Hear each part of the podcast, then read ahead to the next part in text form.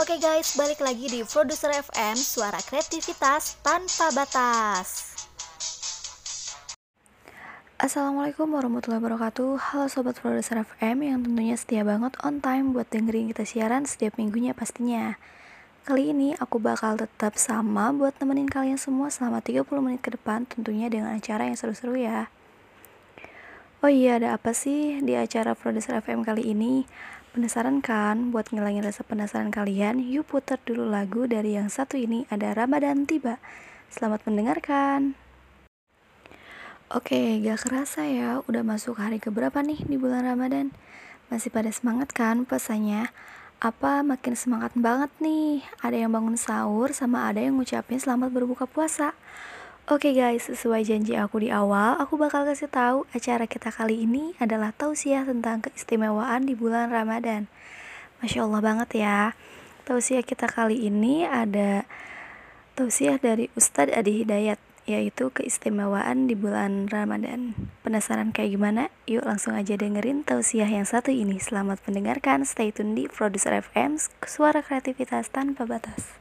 Sampaikan sebentar, di antara sekian bulan yang kita lalui, setahun 12 bulan itu, kata Allah di Quran surah ke-9 ayat 36, Inna iddata syuhuri inda Allah isna asyara syahran fi kitabillah. Sungguh jumlah bilangan bulan yang telah ditetapkan oleh Allah dalam setahun itu itu ada 12. Awas yauma khalaqas samawati wal ard. Sejak langit dan bumi diciptakan Allah tetapkan setahun 12 bulan. Itu sempurna. Nah, di antara 12 bulan itu ada bulan-bulan yang diistimewakan langsung oleh Al-Qur'an dan dirinci nanti lewat hadis-hadis Nabi Sallallahu Alaihi Wasallam. Di antara bulan yang istimewa itu ada bulan Ramadan. Ya, dalilnya di Quran surah kedua Al-Baqarah ayat 185. Ya, paling kiri pertengahan. Disebutkan langsung bulannya, nama Ramadannya disebutkan Syahrul Ramadan alladhi unzila fihil Quran. Di bulan Ramadan itu ditunaikan puasa maka Allah turunkan kemudian Al-Quran surah kedua Al-Baqarah ayat 183. Paling kiri sebelah atas. Ya, turunnya di hari Senin di bulan Sya'ban tahun kedua Hijrah. Kutiba alaikumus siyam. Ya, ya ayyuhalladzina amanu. Hai orang-orang telah menyatakan diri yang beriman kepada Allah. Kutiba alaikumus siyam. Mulai saat ini diwajibkan bagi kalian menunaikan puasa. Kama kutiba alal ladzina min qablikum. Orang dulu pun pernah kami wajibkan.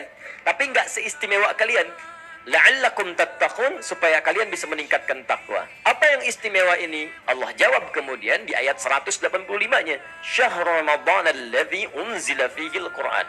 Syahrul Ramadan, puasa yang kami turunkan bukan puasa biasa, puasa sebulan penuh. Ya, bulannya disebut dengan Ramadan. Ya, apa yang istimewa di bulan itu? Banyak. Kata Allah, hanya di puasa di bulan itu yang kami berikan keistimewaan satu malam yang satu malam ini kalau anda ibadah, apa pun ibadahnya, maka nilainya lebih dari seribu bulan. Bukan seribu bulan ya, tapi lebih daripada seribu bulan. Diturunkanlah kemudian surah Al-Qadar. Inna anzalnahu fi Lailatul Qadar. Ya, sungguh kami telah turunkan Al-Quran itu di malam Al-Qadar. Ketika menunjuk waktu malamnya, waktunya disebut dengan lail. Jadi kalau menemukan kalimat lail, itu menunjuk pada waktunya, waktu malam. Ya, jamaknya disebut dengan layali. Turunannya lila, lela, lili, lala. Ibu leli, ibu malam-malam. Nah, kalau kemudian ada tak di ujungnya, lailah. Ini, ini rumus ya. Saya berikan rumus dulu supaya paham maksud saya. Kalau ada tak di ujungnya, ini menunjukkan keistimewaan sifat sifat istimewa yang terdapat di malam yang dimaksudkan. Di kalau lail saja menunjuk pada malamnya. Tapi kalau sudah pakai tak di ujungnya, ini menunjukkan ada yang istimewa di malam itu. Beda dengan malam-malam yang lainnya. Karena itu ketika Allah menyampaikan Al-Quran turun kemudian di satu malam di bulan Ramadan, Allah tidak menyebutkan dengan kata lail. Saya ingin tunjukkan, perhatikan diksi Al-Quran yang sempurna. Kalau Al-Quran karya manusia, maka mustahil menemukan kalimat ini. Tapi karena ini firman Allah, maka setiap diksinya begitu detil kalimatnya. Inna anzalna hufi pakai tak. Allah ingin mengatakan di malam ini beda dengan malam biasa. Sifatnya tidak sama, ada keistimewaan di satu malam ini saja. Dapatnya cuma di Ramadan. Cuma di Ramadan. Jadi kalau Anda nggak dapatkan Ramadan sekarang, Anda masih tunggu Ramadan yang akan datang. Itu pun kalau hidup. Ingat baik-baik. Cuma satu malam. Apa istimewanya? Wa ma adraka ma lailatul qadar? Ya, tahukah Anda apa keistimewaan di malam Al-Qadar ini? Lailatul Qadri khairum min ya, malam ini kalau Anda ibadah itu nilainya sama dengan lebih daripada seribu bulan. Ingat bukan seribu bulan ya. Lebih dari seribu bulan. Saya ilustrasikan begini, saya ilustrasikan. Jadi kalau Anda baca Al-Quran sekarang, itu setiap hurufnya 10. Hadisnya At-Tirmidzi nomor hadis 2910. Man qara'a harfan min kitabillahi falahu asyru hasanat. Siapa yang bisa baca satu huruf saja dari kitabullah, maka dia mendapatkan 10 pahala dari setiap hurufnya. Alif lam mim 1 2 3 kali 10 30. Bulan Ramadan, Ramadan kali 10 lagi. Hadisnya dalilnya di Al-Bukhari kitab Siyam nomor hadis yang pertama, paling kiri sebelah atas di kitab ini. Wal hasanatu bi asyri amthaliha. Kata Allah dalam hadis kunci dikatakan, "Hei orang puasa itu luar biasa. Yatruku ta'amahu wa syarabahu wa syahwatahu." Dia meninggalkan makan, meninggalkan minum, meninggalkan syahwat. Karena saya min ajli. Asyamu li wa ana ajzi bihi. Puasa itu engkau tunaikan karena aku, maka aku yang akan langsung berikan pahala yang tanpa batasan. Perbedaannya kata Allah, wal hasanatu bi asyri amthaliha. Kebiasaan kamu dikerjakan di luar Ramadan, sekarang aku lipat gandakan 10 kali lipat dari sebelumnya. Jadi kalau Anda baca Al-Quran sekarang, Alif Lam Mim, hitungan biasa dapat 10. Hadisnya At-Tirmidzi, nomor hadis 2910. Man qara'a harfan min kitabillahi falahu asyru hasanat. Siapa yang bisa baca satu huruf saja dari kitabullah, maka dia mendapatkan 10 pahala dari setiap hurufnya. Alif Lam Mim 1 2 3 kali 10 30. Bulan Ramadan Ramadan kali 10 lagi. Hadisnya dalilnya di Al-Bukhari kitab Siyam nomor hadis yang pertama, paling kiri sebelah atas di kitab ini. Wal hasanatu bi asyri amthaliha. Kata Allah dalam hadis kunci dikatakan, "Hei orang puasa itu luar biasa. Yatruku ta'amahu wa syarabahu wa syahwatahu." Dia meninggalkan makan, meninggalkan minum, meninggalkan syahwat. Karena saya min ajli. Asyamu li wa ana ajzi bihi. Puasa itu engkau tunaikan karena aku, maka aku yang akan langsung berikan pahala yang tanpa batasan. Perbedaannya kata Allah, wal hasanatu bi asyri amthaliha. Kebiasaan kamu dikerjakan di luar Ramadan, sekarang aku lipat gandakan 10 kali lipat dari sebelumnya. Jadi kalau Anda baca Al-Qur'an sekarang alif lam mim hitungan biasa dapat 30, Ramadan kali 10 lagi, 300, 100 setiap hurufnya. Tapi kalau Anda baca bertepatan dengan malam Al-Qadar, maka pahalanya bukan 10, bukan 100, tapi lebih daripada 1000 bulan. Seribu bulan kalau dikonversi misal, paling ringannya itu kurang lebih 83 tahun. Paling ringannya. Jadi kalau ada yang baca alif lam mim, tepat di malam itu seakan-akan baca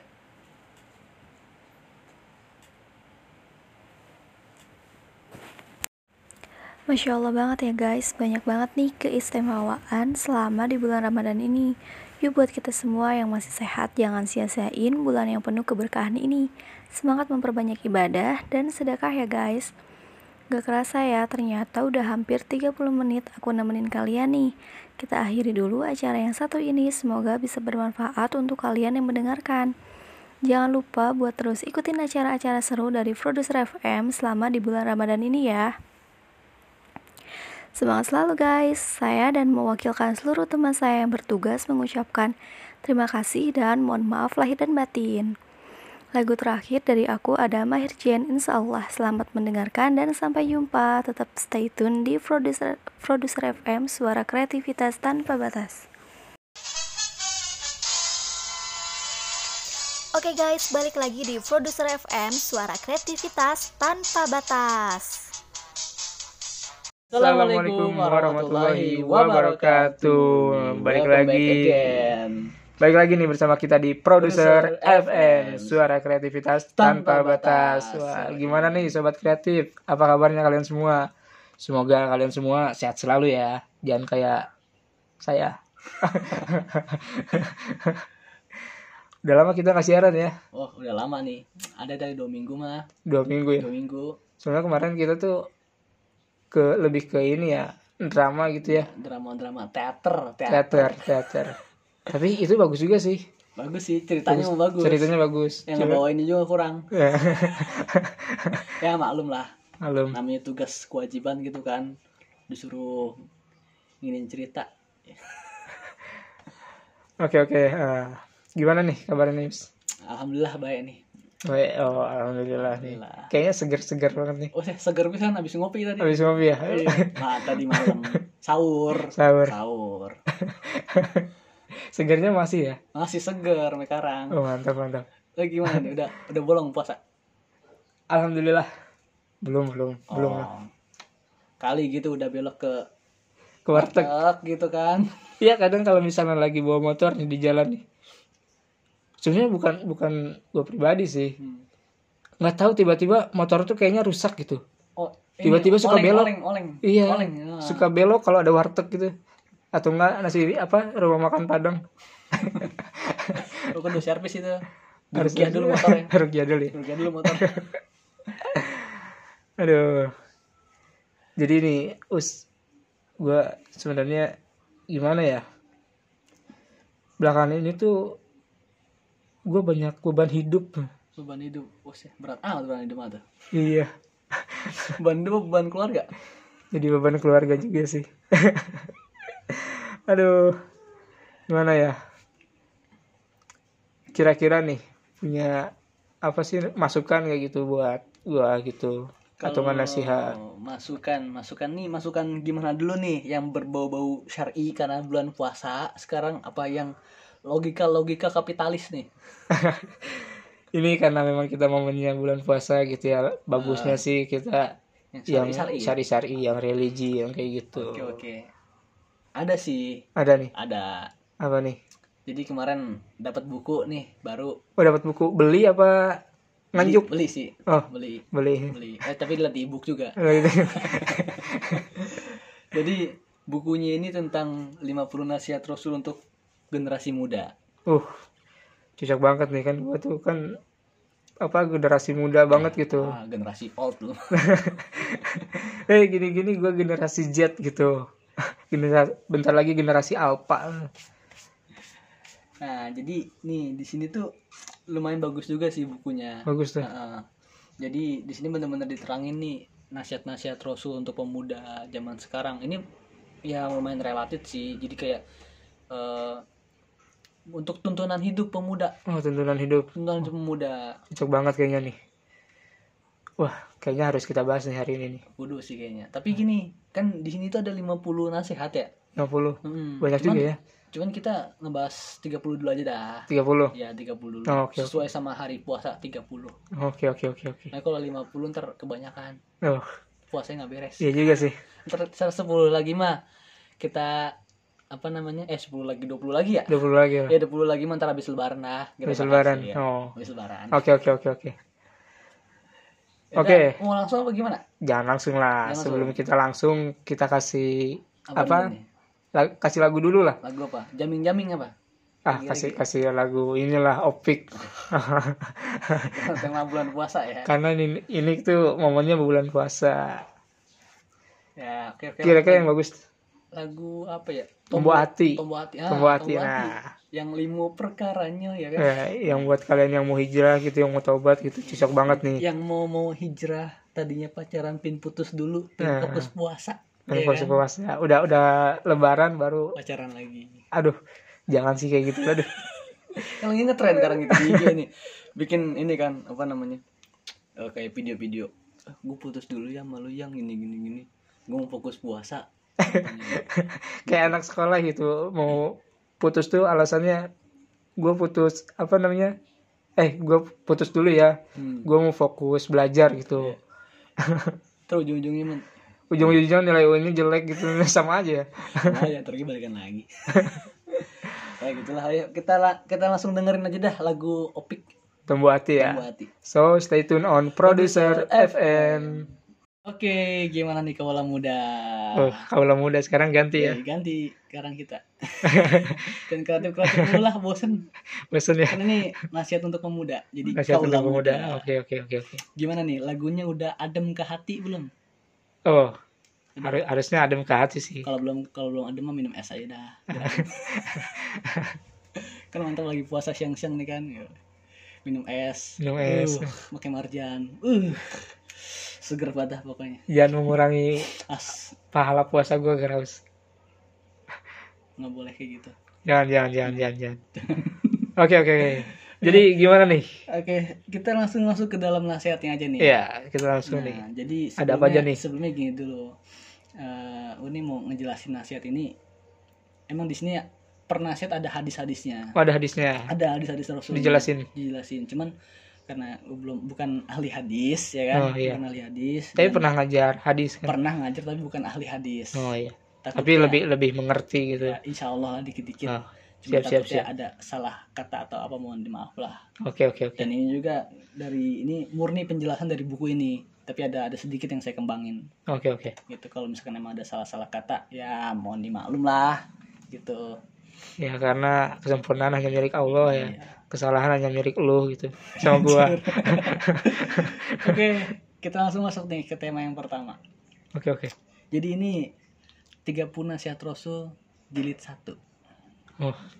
Oke oke oke. Jadi tiga di di jilid ya? Dijilid dulu tiga tiga dulu. Kayak makalah gitu. Iya. tapi kalau kalau langsung 10 kebanyakan. Kebanyakan ya. Kelamaan. nanti takutnya pendengar kita bosan nih. Iya. Nah nih yang pertama itu adalah menuntut ilmu oh menuntut ilmu penting juga nih ya penting ini yang pertama nih Yang pertama ilmu, nih. wajib jadi di sini eh, hadis diriwayatkan oleh Abu Daud, Tirmizi, Ibnu Majah, Baihaqi dan Ibnu Hibban dalam kitab sahihnya. Eh, kalau Rasulullah SAW mencelakat torikon yat yaltamisu fihi ilman sahalallahu lahu tarikon ila jannah ila akhiriha. Nah, yang artinya barang siapa menempuh perjalanan untuk menuntut ilmu, maka Allah akan mempermudah jalannya menuju surga sampai akhir hadis. Oh, Masya Allah berarti kalau misalnya kita menuntut ilmu Mm. apalagi dengan kesungguhan hati gitu dan dengan niat yang Hmm. baik gitu Allah itu mempermudah jalan kita untuk menuju Menuju surga. surga oh, Karena gini, segala sesuatu yang kita lakukan itu harus pakai ilmu. harus pakai ilmu ya Ibadah harus pakai ilmu. Ibadah tanpa memakai ilmu sama aja kita kayak gimana ya? Saya kayak sia-sia aja gitu. Hmm. berarti bener nih kalau kata apa namanya Albert Einstein gitu Hmm. ilmu tanpa agama itu buta sedangkan agama tanpa ilmu itu lumpuh Lumpuh. Ya benar. Nah, soalnya kan kayak di Al-Qur'an. atau kebalik gitu pokoknya itulah intinya Ya, ya kayak gitulah. jadi, jadi kayak, kayak di Al-Quran juga ada ada ayat-ayat pertama yang diturunin oleh Allah kan berbunyi ikro. ikro Ya, dalam surat Al-Alaq bacalah ayat 1 bacalah ikro. Kenapa harus ikro sih yang di yang diturunin gitu yang pertama? kenapa tuh Ikro bismi rabbikal ladzi khalaq. Bacalah dengan menyebut nama Tuhanmu. Bismi rabbikal ladzi khalaq yang telah menciptakanmu. terus Khalaqal terus insana min alaq. Hmm. yang menciptakanmu dari segumpal darah. Wal bukal akrom. Dan apa namanya? Bacalah apa sih? Lupa ya art- arti saya mah. Ya pokoknya arti seperti itulah gitu. Oh, iya, jadi jadi Allah ini menyuruh kita untuk membaca. Membaca. Nah, jadi membaca ini bukan sekedar baca buku baca Al-Quran bukan. Tapi kita harus membaca alam semesta. Alam semesta. Harus membaca ciptaan Allah. Harus membaca ilmu-ilmu yang udah Allah berikan gitu. Jadi ilmu tuh bukan sekedar hanya dari guru dari buku. Kalau dari Al-Quran bukan jadi segala macam yang kita lakuin ini emang emang ada ilmunya gitu. Kita harus membaca gitu. Bahkan kita berteman itu harus pakai ilmu. Terus pakai ilmu. Harus pakai ilmu. Berteman. Bekerja kan juga harus pakai ilmu. Kalau nggak pakai ilmu kan nggak bisa gawe. Ya kan? iya juga sih. Nah, jadi emang emang penting penting banget di sini namanya baca itu. Nah, jadi membaca jadi merupakan salah satu untuk memperoleh ilmu. Dan ilmu juga adalah sumber pengetahuan. Sementara pengetahuan adalah cahaya akal dan hati. Apabila akal dan hati tidak memperoleh cahaya, maka ia akan tetap berada dalam kegelapan dan kebodohan serta tidak memperoleh hidayah selamanya. oh berarti jadi ilmu tuh udah seperti apa cahaya yang menerangi Iya. hidup kita gitu Jadi ilmu itu membagikan cahaya nurullah. nurullah Nurullah. Jadi eh, ada di mahfuzat eh, an-nurullahi la yuhdalil as. artinya Jadi nur Allah itu tidak akan masuk karena kalau kita berbuat maksiat. hmm. Yuhdalil as. oh jadi kalau misalnya oh pantas sih Pantes apa nih? Dia curiga pantes apa nih? nggak nggak tahu maksudnya gue itu gimana ya secara pribadi gitu sulit untuk uh, Menyerap. belajar gitu untuk menyerap ilmu gitu apakah karena uh, apa terlalu banyak bermaksiat kan maksudnya bermaksiat itu bukan bukan kita melakukan apa namanya kontak secara fisik aja gitu Iya, kan ya Benar-benar. kita melihat orang lain gitu atau enggak eh, lihat-lihat konten-konten di media sosial juga bisa jadi itu maksiat kan Waduh. mungkin mungkin itu Iya, juga mungkin. karena kan salah satu alasan gua untuk eh, karena apa namanya enggak sulit ya maksudnya sulit gitu Hmm. untuk menyerap ilmu itu mungkin itu juga salah satunya ya Iya, bisa bisa jadi sih. Jadi emang maksiat itu kayak kayak model apa ya? Kayak udara aja gitu. Jadi gampang dicium, gampang dibuang. Jadi nih kayak misalkan kita jalan nih ngeliat cewek dikit aja nih. Niat niat tuh sebenarnya kita pengen niat nih, ah gue jangan ngeliatin dia lah maksiat. Tapi ngeliat aja gitu loh. Kalau kalau kalau pandangan pertama sih emang pahala, eh bukan pahala, bukan, bukan. rahmat rahmat Nikmat. oh nikmat Pahala nih pandangan pertama itu nikmat. oh Tapi pandangan kedua dan seterusnya itu dosa udah dosa itu. Nah, itu yang yang paling susah buat di buat dihindari gitu. tapi kalau nggak diliatin tuh sayang gitu Iya sayang juga sih emang. ya mungkin itu juga salah satu kita kenapa kita sulit gitu untuk menyerap ilmu ya salah satunya karena Karena Maksiat. maksiat, itu ya. maksiat. Nah kan kalau yang di ini kan nih jadi yang yang tadi bisa lanjutin ya, yang apa namanya? Iya. eh yang mahfuzat itu. hmm, Jadi ini dari kata-kata Imam Syafi'i. Sakautu ila waqfin suwa hifzi farsadani ila tarkil ma'asi wa khabarani bi ana ilma nurun wa nurullahi la yuhdalil as. Gitu. Jadi sakautu ila waqin. Jadi ada murid Imam Syafi'i sakautu ila waqin dan dia apa namanya?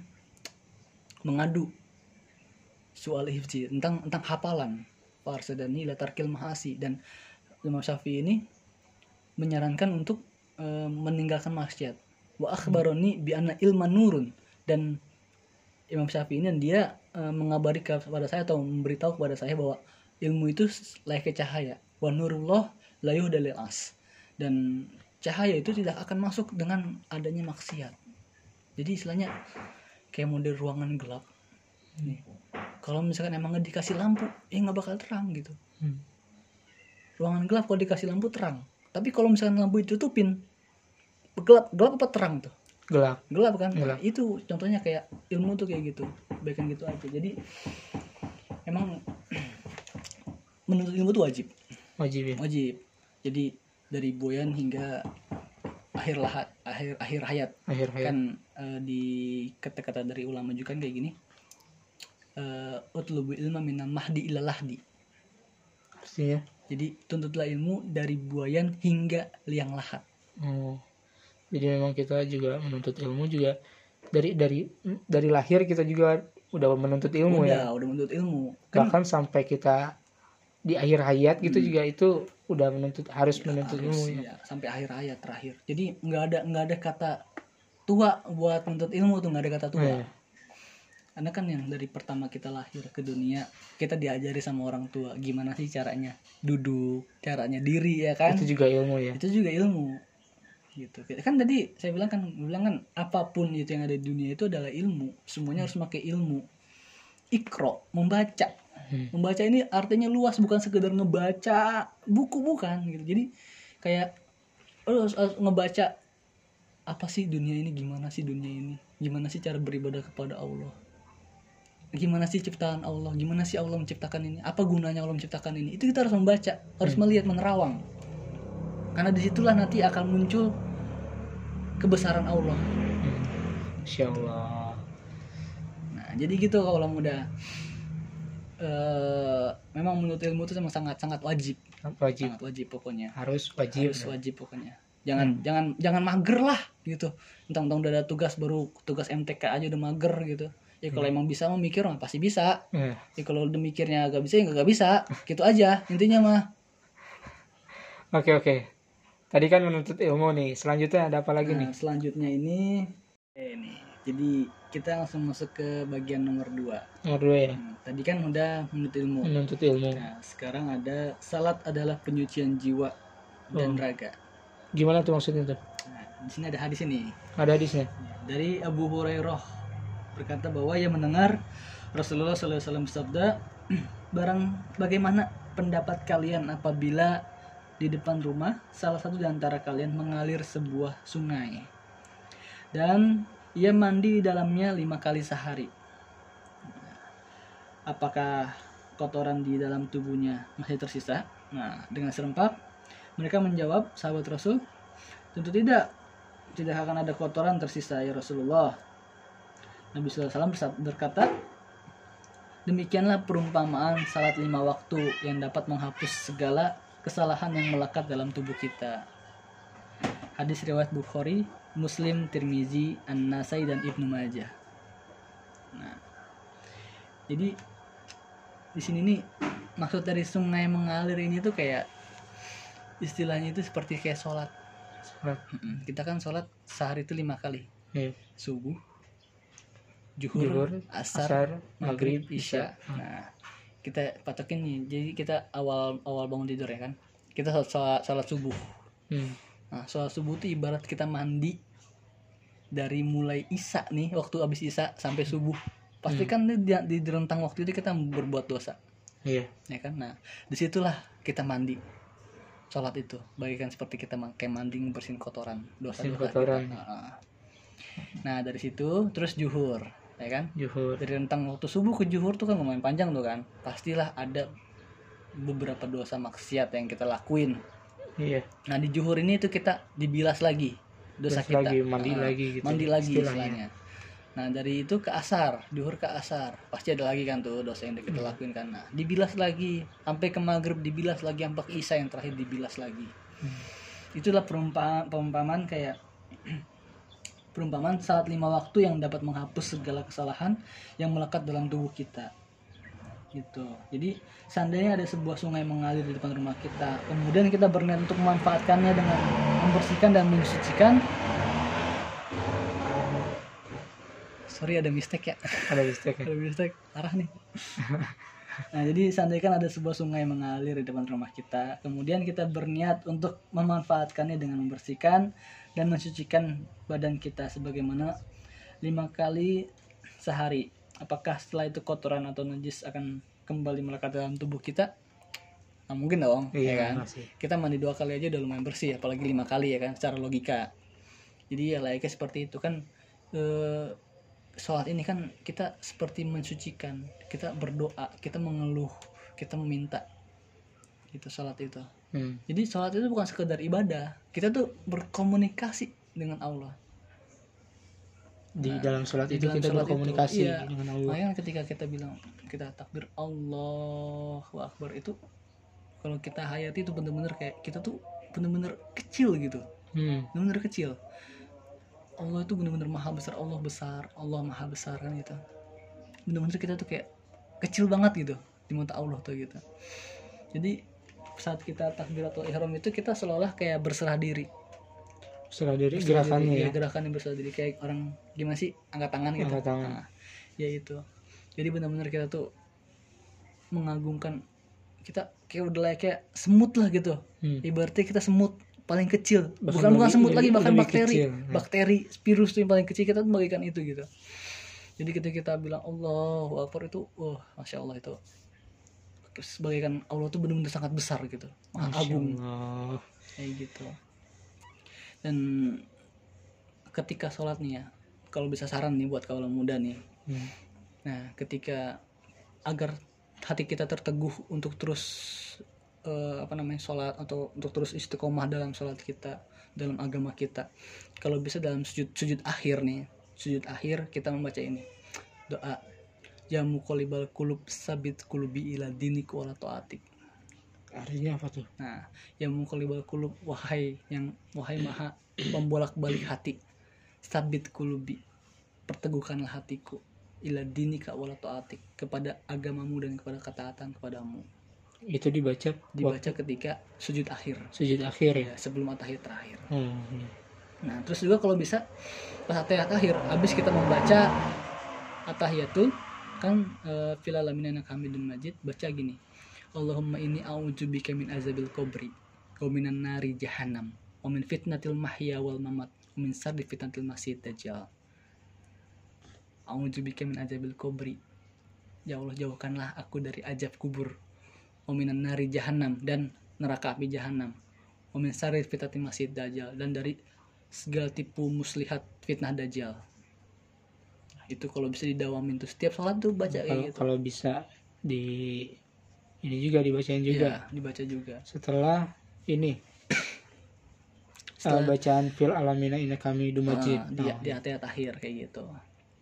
Jadi ya usikum wa ya nafsi. Jadi eh, saya berbicara ini saya juga saling meng- mengingatkan diri saya juga untuk terus istiqomah buat sholat Oh, iya. gitu. Karena ya kalau masalah sholat nih ya sekarang nih masih banyak yang dipermasalahin itu cara sholat orang cara sholat. Ya Emang kadang iya. kadang kadang selalu dipermasalahin. Kayak mode sholat subuh pakai kunut apa enggak? Ya kan? Ada di Iya. kampung ini pakai kunut ada di kampung ini nggak pakai kunut. Padahal keduanya pun sama di aja. masing-masing dari mereka pun punya dalilnya Iya, tersendiri punya dalilnya gitu. Tersendiri. punya pahamnya tersendiri. Hmm. nggak ada Jadi, masalah di antara nggak- itu kan nggak ya? ada masalah. Kayak misalkan takbiratul ihram ya di dada sampai dada doang atau sampai kuping. Ya sebenarnya nggak masalah. Itu kan jadi dalam fikih bidatul mustahid itu ada berbagai macam perbedaan bandingan. Nih, kayak misalkan kayak baca bacaan takbiratul ihram itu yang yang Allahu akbar kabiru walhamdulillahi katsira ada lagi yang lain Allahumma bait baini minal khotoyaya. Hmm, ada juga subhanallah walhamdulillah walallah wallahu akbar. Hmm. jadi macam-macam. Setelah kita milih yang mana menurut kita baik boleh kita pilih gitu.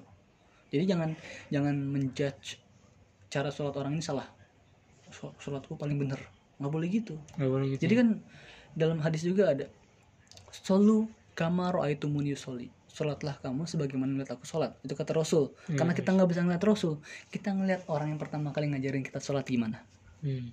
orang tua kah atau Orang guru kah tua dan guru Nah, kita lihat tuh cara sholatnya gimana. Kan eh, ulama warasatul anbiya. Ulama itu kan adalah warisan dari para nabi, warisan Oh, nabi. para Hmm. nabi ya. Jadi kita ngeliat aja ulama yang kita panut, yang kita jadi panutan, cara sholatnya gimana kita ikutin. Karena kan ulama tuh warasatul anbiya. Ulama itu adalah warisan dari nabi, sama aja. Sanatnya tuh turunnya ke nabi, Hmm, dari iya, nabi iya. ke ulama gitu. Sangat ilmunya ya, bukannya dari keturunan. Nah, jadi gitu. Jadi nggak usah dipermasalahin yang masalah kayak gitu. Yang dipermasalahin itu apa? Orang yang nggak sholat.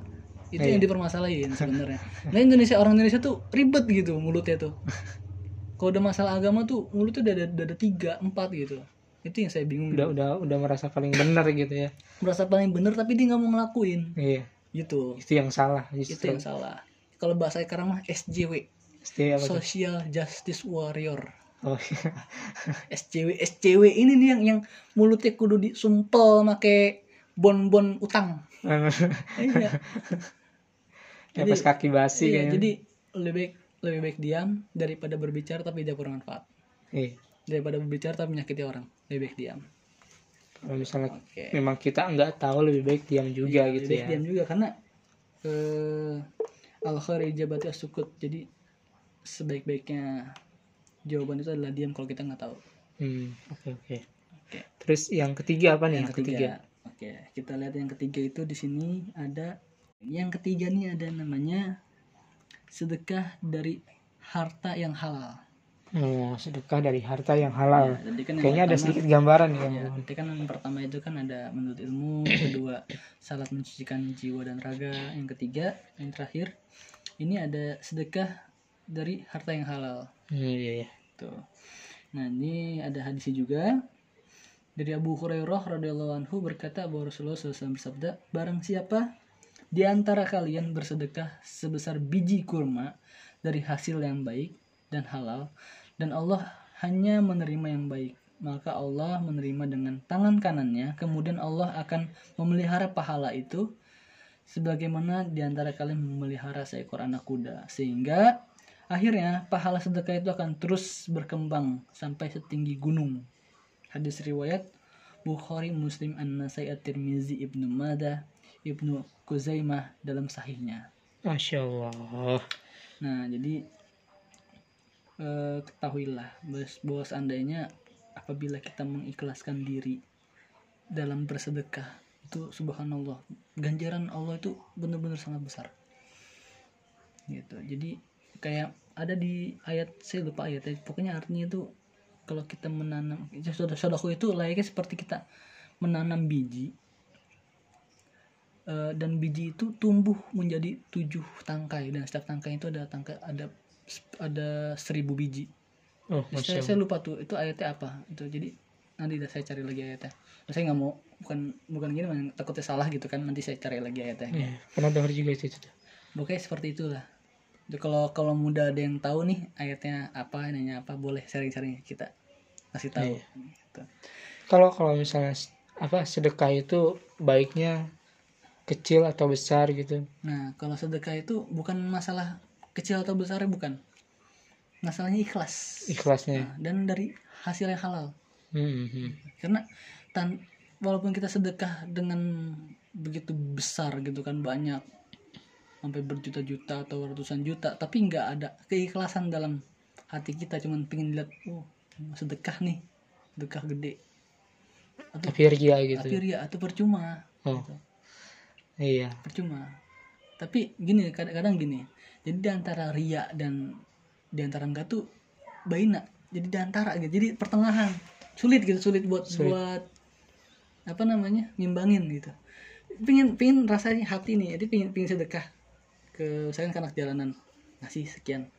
Tapi di sisi lain ada niatan dalam hati itu pengen sama orang lain. Karena ngasih di, di jalanan. Oh ini orang baik nih gitu padahal dalam hati niat tuh pengen ngasih gitu Tapi nggak salah kan kalau misalnya kita bersedekah gitu dilihat sama orang ya lain. nggak nggak salah sebenarnya gitu cuman kalau bisa dalam hati kita jangan sampai ada tertanam untuk untuk untuk pengen dilihat Karena eh, kan sekarang tuh banyak tuh konten-konten di YouTube gitu.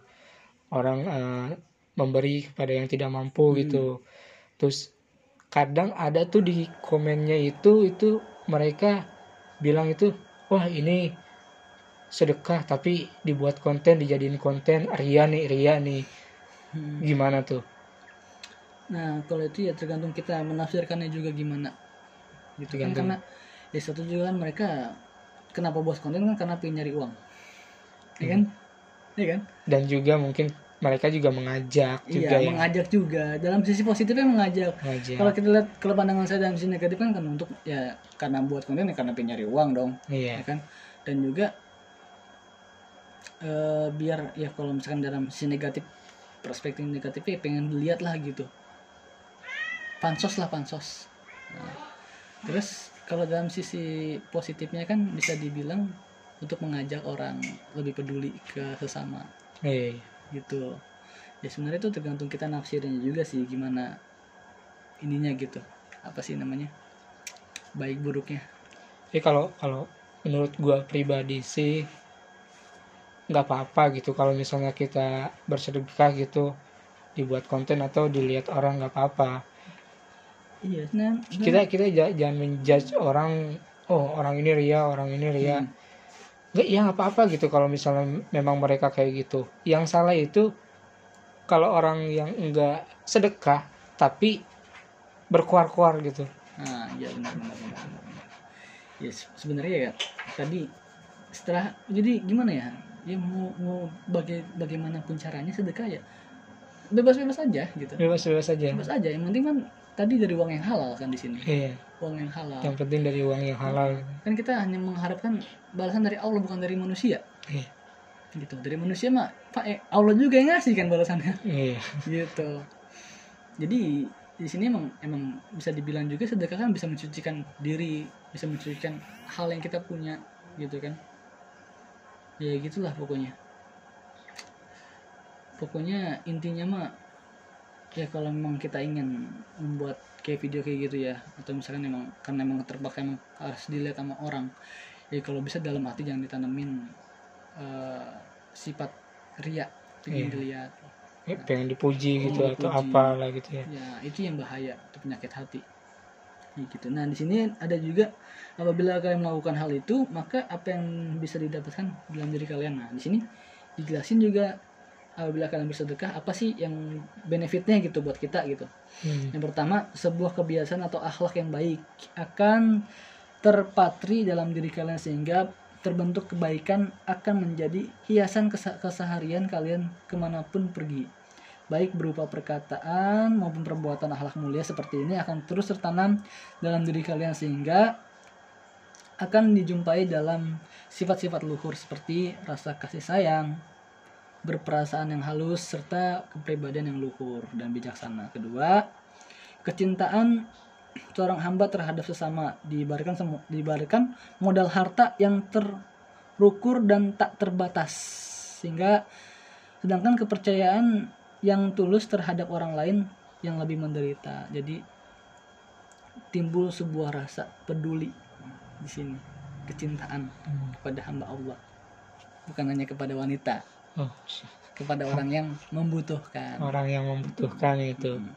Ketiga, segala yang telah disebutkan di atas di mata Allah merupakan harta simpanan yang kita da- yang kita dapat di akhirat nanti.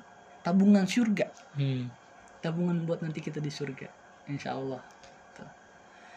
Jadi sedekah itu nggak ada ruginya bos, nggak ada nggak ruginya ada ruginya. Berapapun itu pasti itu akan bermanfaat untuk orang yang membutuhkan. Gitu. Yang penting mah kita ikhlas, kita mau ngasih Iya. sedekah. Kan ada juga kayak model zakat wajib, infak. Iya. Nah, itu kan beda-beda lagi Infak, konteksnya. sedekah, Beda lagi gitu. konteksnya. Tapi kan di di sini ngomong masa sedekah dulu ya. Iya. Sedekah mah ya ini kan tergantung keikhlasan orang masing-masing. nggak bisa dipaksa dan nggak bisa eh, di apa namanya harus diikutin terus tiap tahunnya. Jadi seterah orang itu aja gitu. dan sedekah pun nggak nggak selalu soal uang gitu ya Nggak soal, soal uang. Bisa bisa dengan apa namanya tenaga, Iya. bisa dengan barang, bisa dengan makanan. iya bahkan senyum pun Senyum pun juga termasuk termasuk sedekah sedekah. tapi asal jangan senyum senyum sendiri gitu ya Iya. gitu. Oke. Kalau mudah kalau ada yang mau ditanyain nih, ya kan, boleh di WA WA aja. Dia ya ke nomor Nomor 0822 6018 3142. oh. diulang ulang dong Ya, 0822 6018 3142. Kita boleh kita sharing-sharing nanti. kita sering-sering Ya, ya pici-pician lah, boleh. oh. Kalau bisa yang cakep mah. Bang. ngarep kayaknya ya dan juga nih buat kaula muda yang pengen tahu dan pengen kenal sama kita nih bisa nih kita bagi-bagi IG akun IG Boleh, boleh.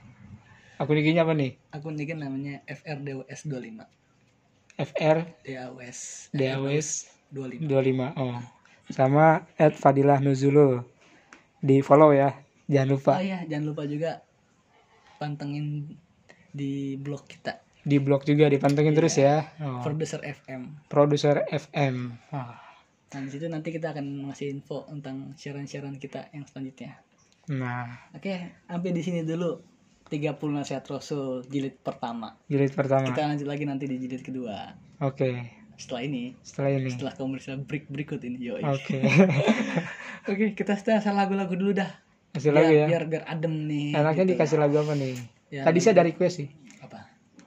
lagu tunggu dicek dulu nih lagu ungu demi waktu Dari siapa tuh? dari ah dari Reina di Bogor Arena di Bogor. Oke, oke. Boleh, boleh, boleh, boleh. Lagu ungu demi waktu. demi waktu oh, Sama ini. Kalau bisa mah lagu-lagu wali sih. oh ditambah Ah, lagu wali ya lagu wali, iya. apa nih Ya, tiga lagu dulu lah kita Nah. taruh gitu. Tobat- Biar biar adem. tobat maksiat Tempat maksiat. tobat maksiat oke Sama ini. eh, apa namanya? Alif Batasa. Alif Batasa oh, keren juga nih Ya udah. Kita dengerin dulu nih lagu-lagu kita dulu nih. Biar rada enakan lah pembahasannya. Biar nggak ngantuk-ngantuk. ya ih Stay tune on Producer FM. Oke, kalau muda baik lagi bersama kita di produser FM suara kreativitas tanpa batas Oke, sekarang kita balik lagi ke pembahasan yang tadi. pembahasan yang tadi 30 nasihat Rasul untuk generasi muda. Cuman ini jil- jilid 2. jilid dua ya Jilid 2. Tadi kan udah jilid pertama. oke makalah gitu ya Biar panjang. biar panjang Oke, langsung aja bagaimana? Langsung aja nih. langsung aja lah Langsung aja. Oke. Bismillahirrahmanirrahim. Yang keempat Yang keempat ya. Tadi yang ketiga ya. Ya tadi ketiga, karena yang keempat itu ada Al-Quran adalah sebaik-baiknya teman bagi manusia. Nah ini ada hadisnya juga dari Anas bin Malik radhiyallahu anhu berkata Rasulullah SAW bersabda, perumpamaan orang mukmin yang membaca Al-Quran bagikan sebuah jeruk yang besar dan kuning warnanya, baunya harum dan rasanya lezat. Dan perumpamaan orang mukmin yang tidak membaca Al-Quran seperti buah kurma yang tidak berbau tapi rasanya lezat. Dan perumpamaan orang yang berbuat dosa dan membaca Al-Quran seperti buah harum baunya namun pahit rasanya. Dan perumpamaan orang yang berbuat dosa tapi tidak membaca Al-Quran bagaikan buah kecil yang tidak berbau dan pahit rasanya. Perumpamaan teman dekat yang saleh bagaikan berteman dengan penjual minyak kasturi. Kamu tidak mendapatkan minyak itu namun kamu akan mendapatkan wangi-wanginya.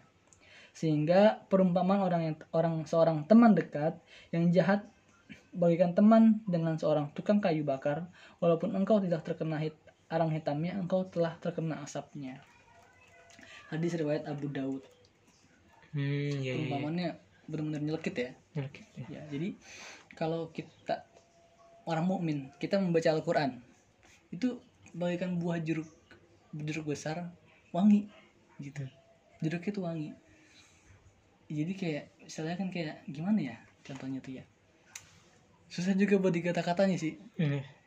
jadi emang itu udah perumpamaan udah benar-benar definisi banget itu. Jadi kayak buah buah lezat wangi gitu udah lezat wangi gitu yang orang mukmin yang membaca Al-Quran Hmm. tapi orang mukmin tidak membaca Al-Quran itu bagian buah kurma Buah nggak kurma. berbau tapi lezat Tapi lezat. ya. Mm-mm. lezatnya apa karena kita karena orang mukmin Ya, karena orang mukmin. Mm-mm. terus tadi ada lagi eh dan perumpamaan orang berbuat dosa yang baca Al-Quran itu seperti buah yang harum tapi rasanya pahit orang Buah berbuat yang- dosa aja tapi dia baca Al-Quran Hmm. itu seperti perumpamaan buah yang tadi yang buah yang harum tapi rasanya pahit gitu wanginya wanginya wangi wangi nih buah buahnya Iya, wangi. wangi. tapi rasanya dong pahit gitu Itu yang perumpamaan perumpamaan Orang orang, yang berdosa. membaca Al-Quran Oh ya. Tapi kalau orang yang berdosa nggak membaca Al-Quran juga, itu seperti buah kecil yang nggak ada wanginya, busuk malah wangi itu, nggak ada nggak ada wangi sama sekali. Perumpamaan kayak buah kecil aja, kayak buah belum matang gitu. Itu perumpamaannya. Oh, masya Allah. Kalau diibaratkan sama teman, kayak kita berteman sama orang penjual minyak aja gitu, orang yang baca Al-Quran dan orang mukmin itu kayak kita berteman sama orang yang menjual minyak. Kalaupun kita nggak dapat minyaknya secara cuma-cuma, tapi seenggaknya kita dapat Kita wanginya dapat ya ketularan wanginya gitu ketularan ya. wanginya. Nah, tapi kalau orang yang gak membaca Al-Quran dan dia berdosa, sama aja kayak kita temenan sama orang yang ngurusin pembakaran kayu atau ngurusin apa tadi? Yang membakar-membakar arang-arang gitulah, Iya. ya kan? Kita nggak kena arangnya tapi kita, nggak kena arang, asapnya kena gitu. asapnya, Iya. gitu. Kayak lagi nabun gimana sih? Gitu kena asapnya doang. Hmm. ya kayak gitu Perih kayaknya. perih Nah. ya jadi bener-bener ini perumpamaannya waduh subhanallah banget nih musikum wa nafsi balik lagi Apa tuh? ya jadi saling mengingatkan Oh, saling mengingatkan saya dan mengingatkan. anda Apa tadi? Musikum musikum wa nafsi wa nafsi. Oh, musikum wa nafsi. Musikum wa nafsi. kan saling ada mengingatkan. dalam kalau misalnya di sholat jumat usikum wa nafsi bertakawallah Oh iya. Iya, sering-sering dengar gitu. Cuman nggak tahu artinya gitu. usikum wa nafsi saya mengingatkan kalian dan mengingatkan saya juga diri saya juga Iya, iya. balik lagi pada saya saya mengingatkan kalian dan saya balik mengingatkan diri saya juga Oh, masya Allah. Gitu. Jadi ya sesibuk-sibuk apa pun kita sempatkanlah membaca Al-Quran Iya. karena ada dalam hadis juga kan eh, khairukum man ta'allama Al-Quran wa 'allamahu. Artinya? Sebaik-baik kalian adalah orang yang membaca Al-Quran dan mengamalkan eh orang yang mengajarkan Al-Quran dan man ta'allama Al-Quran. Eh orang yang mempelajari Mem- maaf, maaf, maaf salah. Orang yang mempelajari Al-Quran dan mengamalkannya. Dan mengamalkannya. iya. Mempelajari sama aja membaca Iya. mengamalkan sama aja membaca dong Hmm. ya kan? Nah jadi itu itu udah udah di situ disebut loh sebaik-baiknya orang. Di sini masuk lagi kan dia perumpamaan itu. Hmm. orang yang membaca orang mukmin. Wanginya kayak buah yang besar dan wangi. Iya. jadi sebaik-baiknya orang itu benar-benar Al-Quran itu jadi jadi jadi kayak sahabat kita untuk menolong kita di dunia akhirat Insya Iya. Allah Insya Allah. Ya, Jadi memang kita baiknya baik harusnya justru harusnya kita membaca Al-Qur'an Iya. gitu. jangan jangan baca Al-Quran kalau udah mau lamaran doang Iya. kan biasanya kalau lamaran tanyain udah bisa baca Quran belum udah baca eh flat flatot kul a'udzu birabbin nas jangan gitu Di situ baru belajar lagi itu baru ya. belajar lagi jangan kalau Jangan. bisa emang lebih bagus kita belajar emang dari kecil harusnya sih gitu. Dan Yang- gue pernah dengar juga sih apa sih namanya Eh apa ya namanya ya Eh orang itu apa ya? Ah betul gue jadi lupa. Pikir-pikir jadi, dulu jadi, jadi, jadi dulu lupa jadi lupa jadi Pikir-pikir lupa. aja. Nah jadi kalau di yang hadis yang tadi itu bacain yang khairu kemantal amal Quran walamahu ini balik lagi ke menuntut ilmu yang tadi Menuntut ilmu. Iya. Menuntut ilmu tuh wajib membaca membaca Al-Qur'an tanpa ada ilmu sama aja bohong. iya Baca Al-Qur'an tuh harus pakai ilmu. Ada namanya ilmu tajwid. Ada tajwid itu hukumnya hukumnya itu belajar tajwid itu fardu kifayah. Eh fardu kifayah fardu ain ya. Fardu ain nggak salah. Saya lupa fardu kifayah fardu ain gitu. Pokoknya fardu lah. Fardu itu kan udah, udah, wajib masuknya. iya Wajib banget. Terus makhrajul hurufnya juga. Menghafal huruf ya. Karena membaca Al-Quran bukan kayak membaca sekedar membaca bahasa Arab aja bukan. Gitu. Jadi ada perbedaannya di sana gitu. Hmm, Al-Quran tuh bukan syair. Bukan saya bukan syair. Allah tuh murni perkataan Allah. Kalamullah ya. Kalamullah. Kan ada di Al-Quran tuh Al-Baqarah. Apa ya pokoknya? Jadi ditantang untuk membuat syair seperti Al-Quran tapi mereka nggak bisa saya lupa ayatnya apa pokoknya di Al-Baqarah ayat pertama tuh. Masya Allah. Jadi emang bener-bener Al-Quran ini tuh wah subhanallah lah. Jadi buat penuntun tatanan hidup manusia. Jadi walaupun sekarang udah masa modern udah apa namanya zaman Rasul tuh udah 1400 sekian tahun kan. Iya. tapi itu Al-Quran masih relatif buat sekarang. Relatif banget malah buat sekarang. Bener-bener relatif jadi memang nggak ada nggak ada nggak ada ada matinya. Nggak ada matinya. Nggak ada habisnya. Nggak ada habisnya. namanya tatanan hidup kan Al-Quran itu kan al-hudalinas petunjuk untuk manusia. Iya. Al-Hudalinas terus Ashifaunas penyembuh. Nama penyembuh karena ketika kita membaca Al-Quran hati itu merasa tenang. Hati tenang ya hati tenang. Terus eh, apabila kita ada masalah kita membaca Al-Quran atau ngedengerin aja ayat Al-Quran aja gitu itu bawaannya tenang enak gitu. Itu Masya Allah itulah namanya kelebihan dari Al-Quran ini Hmm. oh iya eh, baru baru ingat baru ingat yang tadi apa nih jadi pernah dengar gitu Allah itu lebih menyukai orang yang membaca Al-Quran sedikit sedikit Hmm. tapi continue Hmm. berlanjut daripada orang yang membaca Al-Quran berlembar-lembar tapi jarang-jarang gitu bahkan Hmm. cuman sekali dua kali gitu Iya. Saya belum belum belum belum nemu ini juga ya. Belum nemu kata-kata itu dari mana.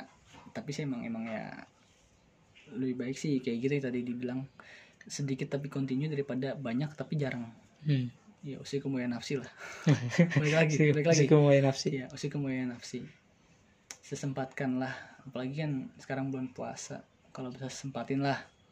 nah Just- jus- justru pernah dengar juga kalau bulan puasa itu justru lebih baik banyak membaca Al-Quran Mm-mm. Lebih baik lebih baik itu pahalanya berlipat-lipat ya Ya, emang kan namanya bulan puasa pasti semua pahala berlipat-lipat. Gitu. Karena kan emang bulan puasa ini bulannya umat. bulannya umat Iya, turunnya Al-Qur'an itu kan pas bulan puasa. Kenapa? Karena itu hudalinas. udah lindas Petunjuk untuk manusia. Makanya turunnya di bulan Ramadan. Kan kalau bulan Rajab itu bulannya Allah. Bulan Syaban bulannya Nabi. Ramadan bulannya umatnya Nabi, Nabi Muhammad. Makanya Al-Qur'an itu turunnya di bulan Ramadan. Bulan Ramadan. Hudalinas. Nuzulul Quran ya Nuzulul Quran. channel gua sebenarnya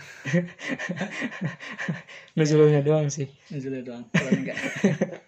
Eh, kalau soalnya kalau misalnya pakai Quran terlalu berat takutnya nggak sesuai ekspektasi orang tua gitu Iya, iya. Tapi emang gak sesuai juga sih.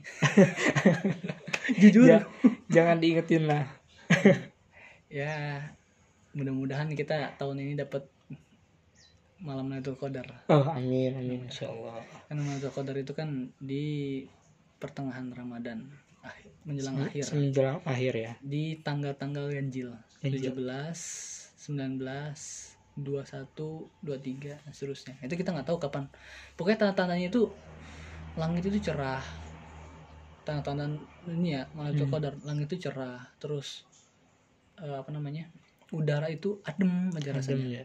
walaupun siang panas tapi malamnya adem banget itu. Rasanya kayak sejuk aja gitu. Itu tanda-tanda itu kayak gitu. Tapi bukan karena di rumah di kamar Bukan. pakai AC kan? bukan. Emang emang kita keluar aja nih keluar rumah gitu. Rasa sejuk aja gitu. Beda beda beda banget. Kayak kayak biasa kan panas malam malam kan panas gitu kan ya Hmm. kadang kan. Tapi ini mah sejuk. Angin itu nggak nggak dingin nggak terlalu dingin nggak panas gitu. Sejuk aja. Itu tanda-tandanya itu yang saya dengar dari salah Somad kayak gitu. Hmm, Masya Allah. bintang-bintang cerah. Pokoknya langit itu cerah banget sejuk lah. Pokoknya itu tandanya. Semoga kita Bisa dapat gitu dapet ya. lah Bisa ketemu dengan malam Lailatul Qadar. amin amin amin amin amin. Oke. Oke, yang selanjutnya apa nih? Nah selanjutnya. Oke, kalau muda Tadi kita udah ngebahas Yang Al-Quran adalah sebaik-baiknya teman. Iya, Itu yang kelima Nah sekarang yang Hmm. keenam keenam. Ini ada setiap remaja muslimah bertanggung jawab terhadap diri dan auratnya Berarti sekarang lebih ke wanita ya? Lebih ke wanita Hmm. Ya walaupun Ukti. Walaupun kita bukan ukti-ukti Tapi kita baca aja Kita sini. bacain ya. Kita bacain aja Coba, iya kan pendengar kita juga ada yang Ada yang wanita. ukti-ukti ya. Ya, ukti, Nah, ukti. ini dari Aisyah radhiyallahu Allah. anhu suatu hari eh, Asma binti Abu Bakar masuk menemui Rasulullah SAW dan dia mengenakan pakaian yang tipis. Melihat itu Rasulullah SAW memalingkan tubuhnya lalu berkata, Ya Asma, innal mar'ata idza balagatil mahidu lam yasluha an yura minha illa hadha wa hadha wa asyara illa wajhihi wa kaffaihi wahai Asma yang artinya wahai Asma sesungguhnya wanita itu bila sampai pada masa baliknya tidak diperbolehkan melihat terlihat atau terlihat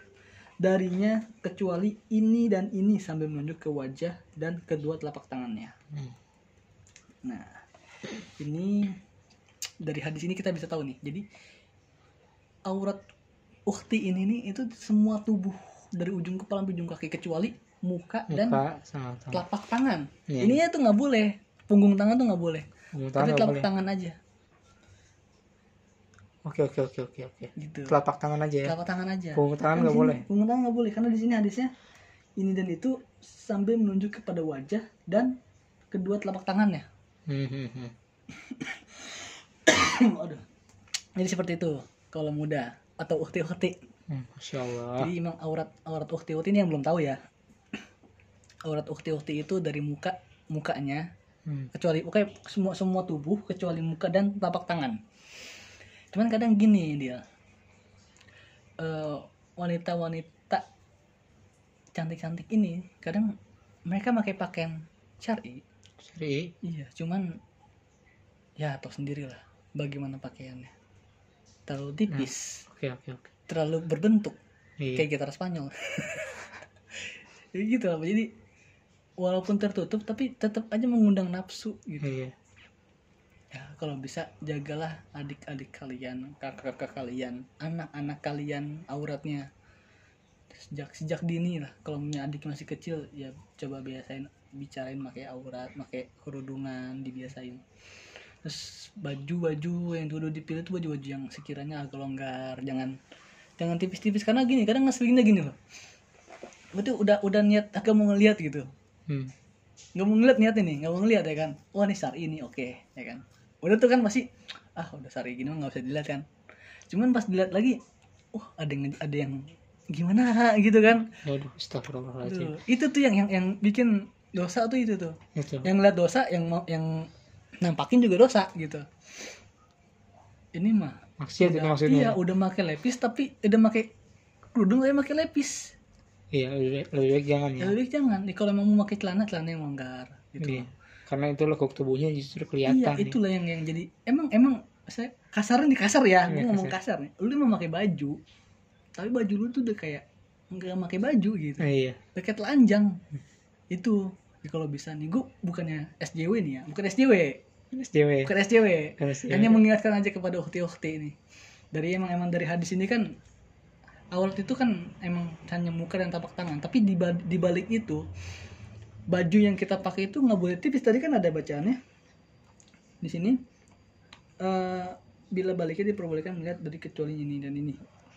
Nih dia mengenakan pakaian yang tipis kata Aisyah radhiallahu anhu Hmm. gitu. Nah emang emang nggak boleh yang tipis-tipis itu mengundang nafsu. Iya. Emang kenapa sih harus pakai aurat pas pakai bagian yang tutup-tutup gitu wanita ya karena untuk menjaga gitu. Karena Islam ini tuh sebenarnya tuh menjaga benar-benar menjaga muslim. Iya menjaga kehormatan menjaga wanita. kehormatan. iya. Karena mau bagaimanapun juga wanita itu adalah suatu mahkota untuk pria. Hmm. harus dijaga gitu.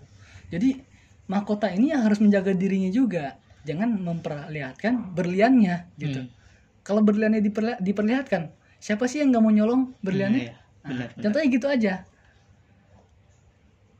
jadi janganlah terlalu memperlihatkan hal-hal yang itu membuat itu jadi nanti dosa. Itu pernah ju- dengar juga nih ah dong bukan dengar sih lihat di sosial media gitu. Hmm. jadi kalau misalnya setiap baju itu mempunyai eh, istilahnya kuota hisabnya tersendiri gitu. Hmm. benar gak tuh? Kota hisapnya gimana maksudnya? Jadi eh, baju yang kita miliki itu juga dihisab nanti oh di pertanyaan ya ya dipertanyakan itu belum belum tahu juga sih gimana Per- pernah pernah lihat di sosial media gitu Nah, tapi ya bisa jadi sih gitu jadi. pakaian pakaian wanita. Dan emang memang benar sangat kompleks juga sih. Karena kan ini masa kayak ya nggak nggak cuma wanita aja sih sebenarnya kayak pria juga kan dia juga ya batas auratnya kan dari dengkul sampai ke udel kan atau pusar ya kan. besar ya Nah kalau kita memperlihatkan aurat ya sama sama juga kita memperjualbelikan tubuh Hmm. gitu. Kayak kita pakai celana pendek gitu. Emang kan sebenarnya pakai baju-baju panjang gitu atau baju yang menutup aurat itu kan suatu hal yang sopan gitu. Iya. janganlah kita ngikutin budaya-budaya Korea Korea. budaya-budaya Barat Barat Inggris Amerika dan sebagainya macamnya gitu emang Indonesia punya budaya sendiri. Budaya Indonesia itu kan ada ada enggak enggak semua budaya Indonesia itu yang terbuka ada yang tertutup gitu. Hmm. ya bukannya kita ngambil budaya dari timur Arab bukan. Tapi kita mengambil contoh ajaran dari agama kita. Iya betul. Emang agama kita kalau kalau orang-orang logika ngomong emang agama Islam itu dari dari Arab ya kan datangnya ya sebenarnya bukan dari Arab dan bukan orang Arab. Karena diturunin di Arab ya itu untuk seluruh umat manusia gitu jadi bukan buat orang Arab doang. Bukan bukan kita pakai baju pakaian syari itu karena ngikutin budaya Arab bukan. Karena gini ada berita waktu itu tuh anak kecil udah dipaksa suruh pakai kerudung apa segala macem. Kalau nggak salah nggak ada ada ada menteri yang ngomong gitu. Hmm. saya nggak bisa nyebutin namanya. Oh di satu daerah ya? Menteri menteri ini menteri. Oh menteri. Iya yang ngomong. Menteri. Oh. Kita nggak boleh ngomong nanti kena. Pokoknya ada suatu menteri ngomong gitu.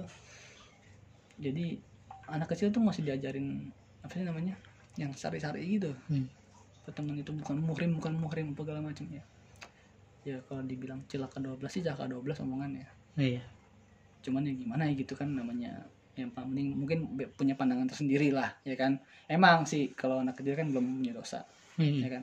Tapi kan kita harus membiasakan anak itu untuk menjauhi hal-hal yang kayak gitu. Iya. memakai memakai memakai kerudung menjaga auratnya menjaga kehormatannya dari yang bukan mahram karena apalagi itu untuk apa kebaikan dia juga ya? Iya untuk kebaikan dia juga. Sebenarnya Islam itu mengajarkan untuk kebaikan manusia bukan untuk mempersulit manusia. Hmm. itu pakai kerudung apa segala macam bukan mempersulit menjaga. Menjaga. Buku intinya gitu. Bukunya wanita itu adalah mahkota pria.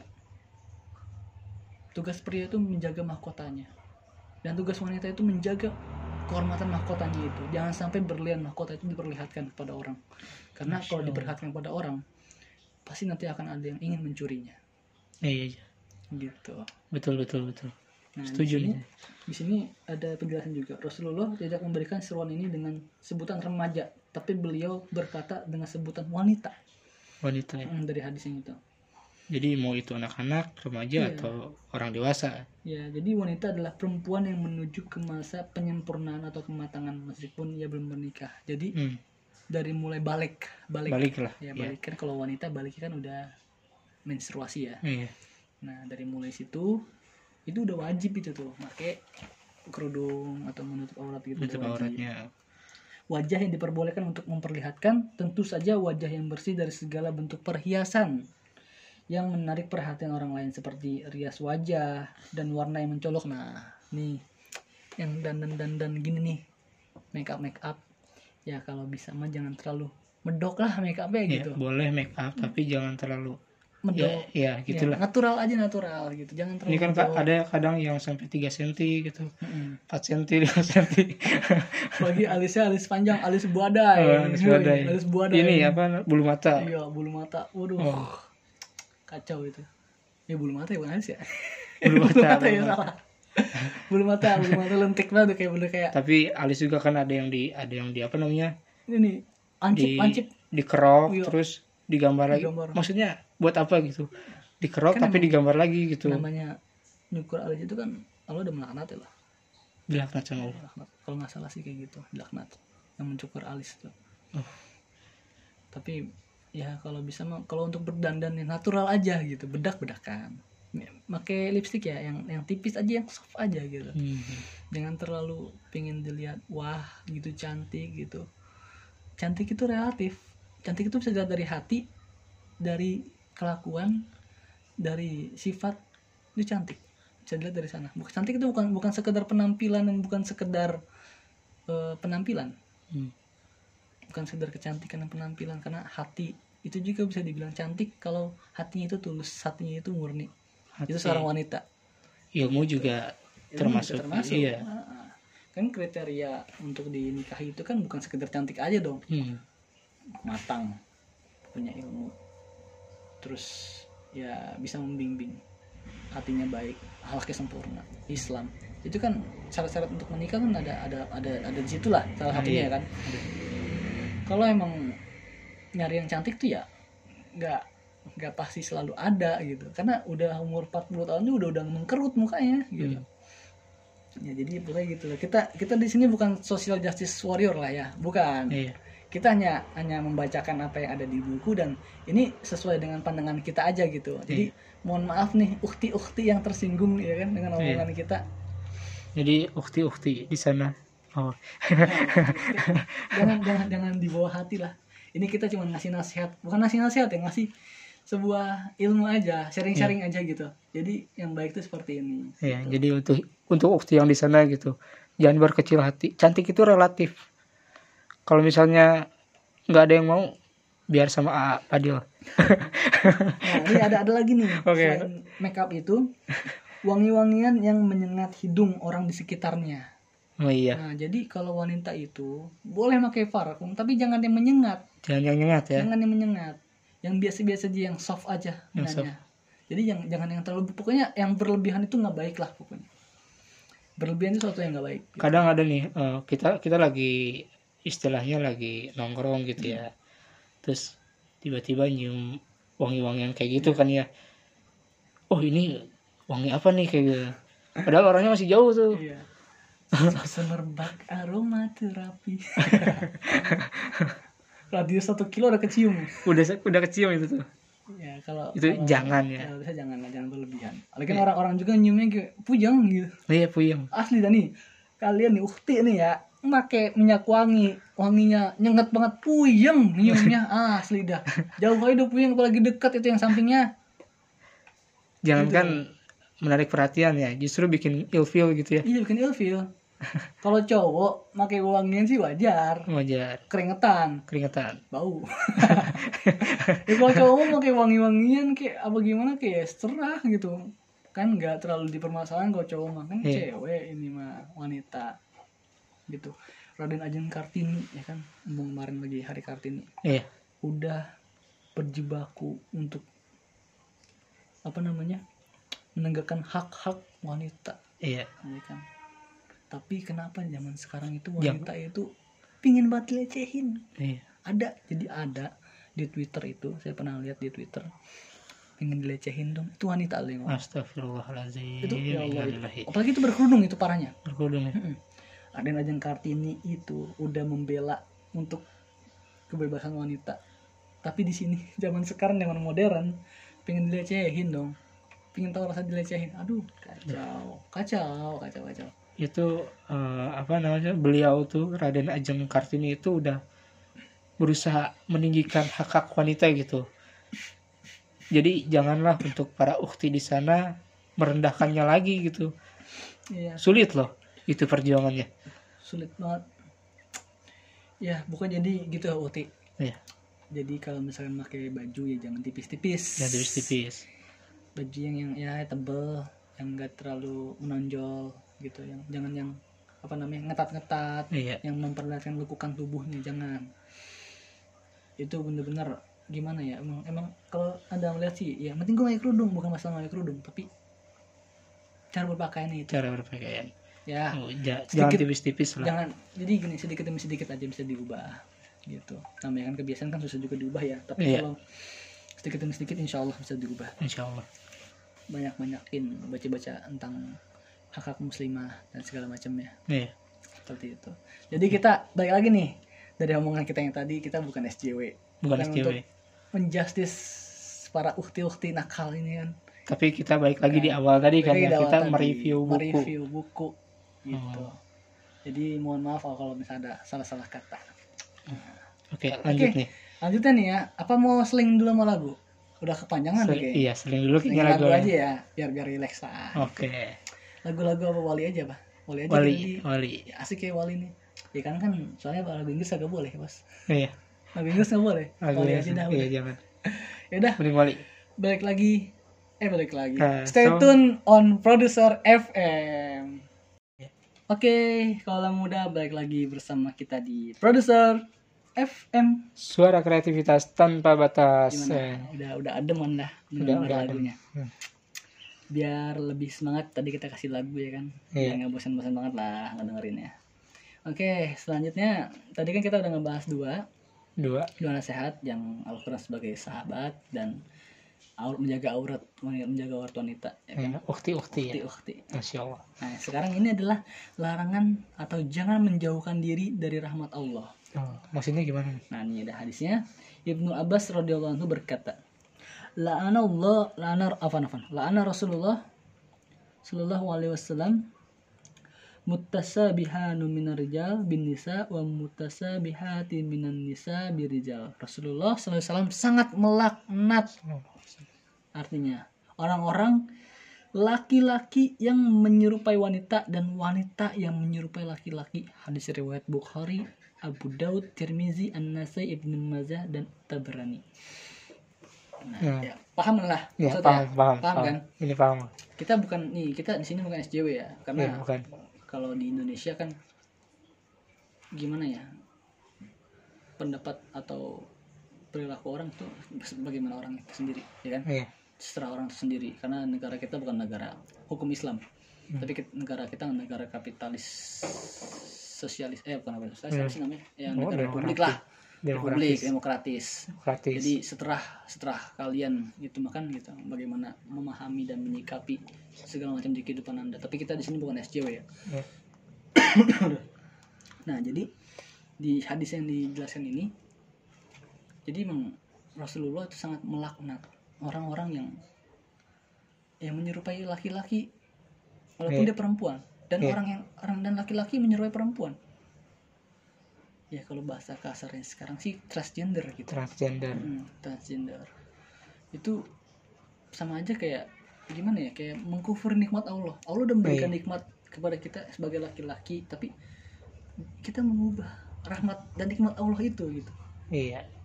Ya kita Nah. kodratnya sebagai laki-laki ya jalin aja nikmatin aja gitu iya ya. benar nah di sini Apa ada apa maksudnya apa nggak enaknya gitu jadi laki-laki gitu. Kita enak kok. Nah mungkin untuk para ukti apa nggak enaknya gitu jadi wanita gitu. nah Ya iya, enak kok. Ya. Punya pandangan tersendiri gitu dari masing-masing gender. kan setiap laki-laki dan perempuan itu pasti ada suatu hal yang Allah berikan kelebihan kekurangan. Iya. ya kan? Nah, emang karena istilahnya gini loh. Udah dikasih sama Allah sekian ya jangan minta lebih atau jangan minta diubah Hmm. yang udah yang udah sekian sekian itu udah takdir kita. Kita jalanin kita ikutin.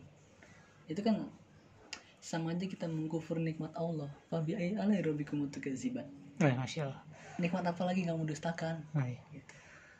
Se gimana sesusah hidup kita pun kita udah dikasih nikmat sama Allah. Nikmat itu kan kayak sehat. Ya kan? Hidup itu itu nikmat. Iya. dan juga di kalau misalkan kayak yang orang-orang tadi disebutkan itu itu sama. Mereka tuh benar-benar mengkufuri sangat mengkufuri nikmat Allah. Kayak dalam surat Ibrahim ayat 7 wa istajana rabbukum la in syakartum la azidannakum wa la in kafartum inna adzabillahi syadid. Dan ingatlah ketika Tuhanmu memaklumkan sesungguhnya jika kamu bersyukur niscaya aku akan menambahkan nikmat kepadamu. Tapi jika kamu mengingkarinya maka Allah akan memberikan azab yang, yang sangat pedih. Ibrahim ayat 7 Hmm. jadi ketika kita udah dikasih fisik dan wujud kita dan gender kita seperti ini syukuri apa adanya emang udah kayak udah udah kayak gini adanya gitu jangan kita mengikuti tren-tren zaman sekarang gitu ya kan Iya. kayak Kayak kayak lu cinta itu dia. bukan bukan, lu cinta dia ya. nah, cinta dia itu lu lu udah kacau kacau kacau Kacau kacau. tapi jadi kayak nih muka bukannya benci ya bukannya benci dan bukan social justice warrior gitu balik lagi nih bukan nih takutnya nih yang yang ngedenger ini nih protes ke kita gitu kan Iya. Pa- pandangan saya pandangan gue aja pandangan nih kayak misalkan artis-artis Korea Hmm. mereka itu pakai make up Hmm. ya walaupun mereka buat laki Hmm.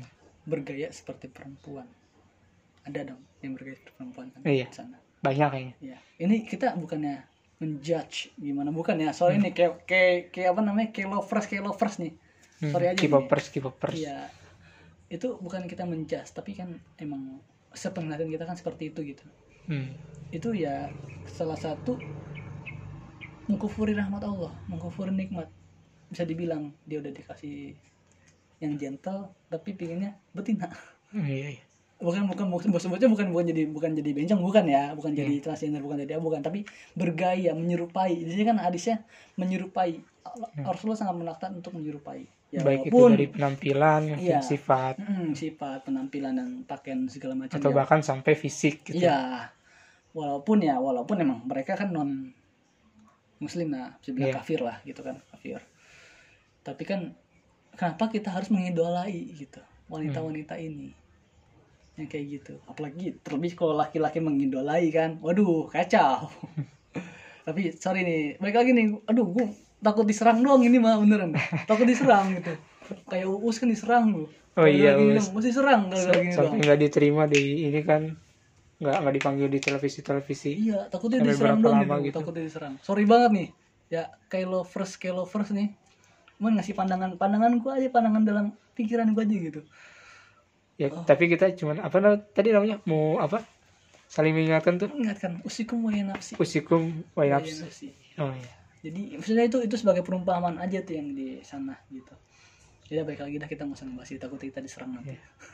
kita cuman mereview buku ya buku, bukan iya, cari iya. musuh ya Mencari musuh. Jadi kan kita mereview emang emang bener-bener ini tuh bukan maksudnya yang tadi yang Korea-Korea itu bukan yang ada di buku ya bukan tapi iya bukan ini mah sesuai pandangan kita dan sesuai yang main di buku gitu iya dan sesuai hadis yang ada di sini gitu. Nah, umat manusia ini kan bagaikan sosok individu yang dapat berpindah, berubah, berganti mengikuti keadaan atau kondisi yang mempengaruhinya, baik pengaruh itu dari luar maupun dari dalam dirinya. Gitu. iya Jadi eh, jangan mudah terpengaruh sama suatu hal. Kayak misalkan kan sekarang gini. Kenapa sih mereka itu bisa berubah kayak gitu gitu? Mungkin ya karena keadaan Keadaan. lingkungan pekerjaan Iya pergaulan, pergaulan. Kayak gitu. Itulah yang menyebabkan mereka bisa kayak gitu. iya. Kayak orang gaul sama cewek. Ada teman gaul sering gaul sama cewek. Jadi kayak gitu. Hmm. jadi lemboy gitu. Gimana ya? Kayak orang pengen bilang kecelakaan itu. Bener dah. Dia udah laki tapi pengen jadi jadi cewek. Iya iya. Dan cewek pengen jadi laki emang ya namanya udah akhir zaman ya. Iya. Udah akhir zaman dan ya bagaimana ya namanya? Ya, ini juga salah satu tanda-tandanya. Dan tandanya iya. Ya banyak banyak bertobat aja lah kita lah. Iya. Jadi emang udah nggak bisa terhindari masalah kayak gini mah gitu. Tapi Iya. kita di sini mengingatkan kalau bisa sebisa mungkin janganlah mengikuti hal-hal yang kayak gitu. Karena emang kan yang kayak gitu juga kan pengaruh dari barat juga. Iya. Hal-hal seperti itu kan pengaruh dari barat kayak ya LGBT kan sekarang ada lagi kan yang baru LGBT apa tuh? LGBT apa tuh? Ya itulah pokoknya ada lagi LGBT apa gitu terusannya. Iya iya. Jadi kalau dibilang suatu hal penyakit penyakit kan penyakit Penyakit psikologis. psikologis. Tapi kalau dibilang itu kesalahan dari hormon seksualitas ya bisa jadi. Hmm. Ya, tapi bagaimana ya namanya? Kayak gitu kan ya udah itu mah masing-masing orang lah. Itu kan Iya. kita juga nggak mau mempermasalahkannya gitu. Yang penting mah diri kita terbebas dari itu gitu. Nggak- Iya. masih normal lah kayak gitu. Apa adanya. Jadi jadi di sini kita buat mengingatkan aja ke teman-teman nih gitu. Dan untuk memperingatkan dan untuk mengingatkan diri kita juga. Hmm. jadi kalau kita berdandan jangan berdandan seperti wanita. Iya. kita berdandan apabila kita wanita apabila antum wanita ukti-ukti nih jangan berdandan seperti laki-laki tomboy Iya. jangan. Ya berdandanlah sesuai kod- kodrat kalian gitu Iya. sesuai apa adanya. Jangan gimana ya kalau itu teh ya? Bingung juga sih masa ngejelasin ini bingung Iya. asli bingung banget. Iya, pokoknya intinya jangan jangan jauh jauh dari rahmat Allah ya, gitu ya. jangan jauh dari rahmat Allah. Udah dikasih mah udah we gitu. Oke kalau muda jadi segitu dulu aja pembahasan kita. Next time kita ngebahas nih yang part 3, 4, 5, 6 Oh, dan seterusnya ya. seterusnya sampai 30 nanti 30. ya karena keterbatasan waktu juga sih Iya. Nanti mungkin kalau misalnya sempat bisa sampai 50 ya. bisa sampai 50 lebih 50 lebih. oke segitu aja kalau muda terima kasih apabila ada salah-salah kata Mohon dimaafkan. Kan, tapi denger dulu sekali lagi tadi pembahasan yang tadi ya mohon maaf banget nih takutnya ada yang tersinggung atau apa mohon maaf yang sebesar besarnya karena kita di sini hanya hanya nggak menghina nggak menghina tapi kita hanya mencari contoh dan mencari apa ya bahasanya Eh, cari maksudnya kita saling sedikit sharing lah. iya jadi nggak maksudnya yang tadi kita nyebelin Korea itu hanya untuk memper- memperbandingkan Iya, ya. membandingkan. memperbandingkan Iya. gitu dengan kebiasaan mereka yang mereka lakuin dan kebiasaan kita yang kita lakuin Menurut pandangan kita gitu ya. menurut pandangan Menurut kita, pandangan kita. gitu ini bukan kita menjustification mereka seperti ini seperti itu bukan ini murni dari ya mungkin pikiran kita gitu bukan karena kita Iya. benci juga bukan karena ini pandangan kita aja Iya. gitu. oke pokoknya stay tune on producer FM, suara kreativitas tanpa batas. Oke guys, balik lagi di Produser FM, suara kreativitas tanpa batas. Assalamualaikum warahmatullahi wabarakatuh. Halo Sobat Produser FM yang tentunya setia banget on time buat dengerin kita siaran setiap minggunya pastinya. Kali ini aku bakal tetap sama buat nemenin kalian selama 30 menit ke depan. Dengan acara yang seru-seru ya pastinya. Oh iya ada apa sih di acara Produser FM kali ini? Penasaran kan? Buat ngilangin rasa penasaran kalian, yuk putar dulu lagu dari yang satu ini ada Marhaban Ya Ramadan Selamat mendengarkan, stay tune di Produser FM, suara kreativitas tanpa batas. Oke guys, masih balik bareng aku Jejia di sini yang setia banget nemenin kalian semua. Gak kerasa ya, udah masuk hari keberapa nih di bulan Ramadan? Masih pada semangat kan puasanya? Apa makin semangat banget nih? Ada yang bangun sahur sama ada yang ngucapin selamat berbuka puasa. Oke guys, sesuai janji aku di awal, aku bakal kasih tahu acara kita kali ini adalah kuliner Ramadan. Biasanya setiap sore suka rutinitas nih cari takjil buat buka puasa. Nah, kali ini aku nggak sendirian, aku bakal ditemenin sama Kak Dewi Ngesti Lestari buat sharing kuliner selama bulan Ramadan nanti. Langsung aja yuk panggil Kak Debinya. Halo Kak Debi, apa kabar nih? Alhamdulillah baik kak. Kak Jeje gimana kabarnya? Alhamdulillah, baik juga nih kak. Oh iya, sapa dulu nih Sobat Produser FM yang udah setia banget dengerin siaran kita kali ini. Halo sahabat produser FM, gimana kabarnya? Semangat puasanya ya. Oke kak, aku pengen sharing nih selama bulan Ramadan tuh kakak ngapain aja sih? Selama bulan Ramadan kegiatan aku aku nggak jauh hampir sama kayak bulan-bulan biasa sih. Paling yang beda itu kalau bulan Ramadan aku suka ngebuburit sama keluarga. Hehe. Kalau ngabuburit biasanya suka ke mana nih kak? Biasanya aku kalau ngebuburit tuh ke sekitar Dermaga ya. Soalnya di sana banyak banget yang jualan takjil. Nah, di situ banyak banget pilihannya. Kalau boleh tahu ada apa aja ya kak?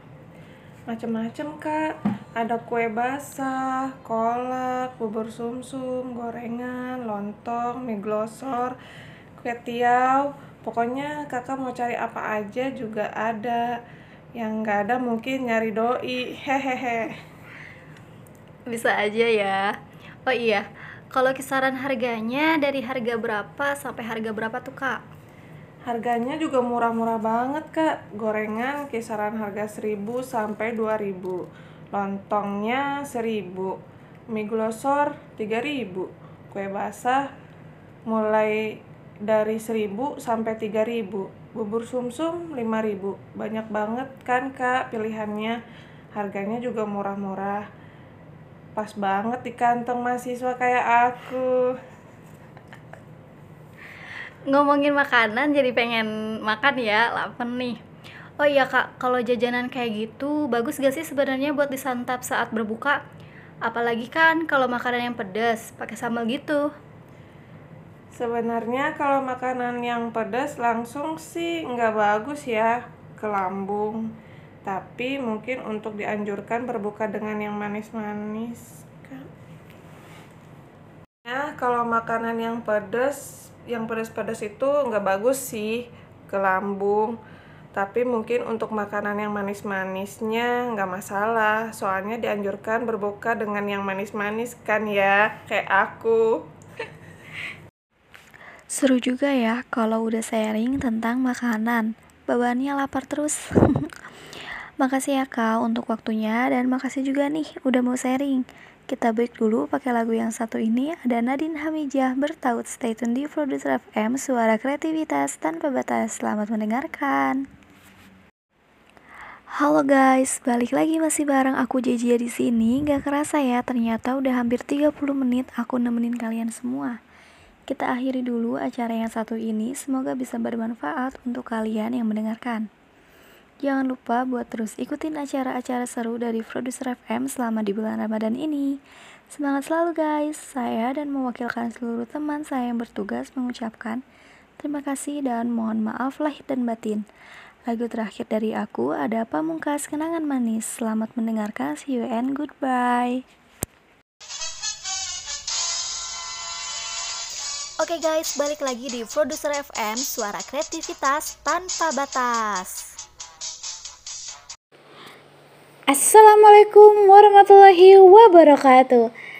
Halo pendengar setiap produser FM di mana pun kalian berada Balik lagi sama aku Debing Selestari di awal hari ini Yang bakal nemenin kalian selama 30 menit ke depan.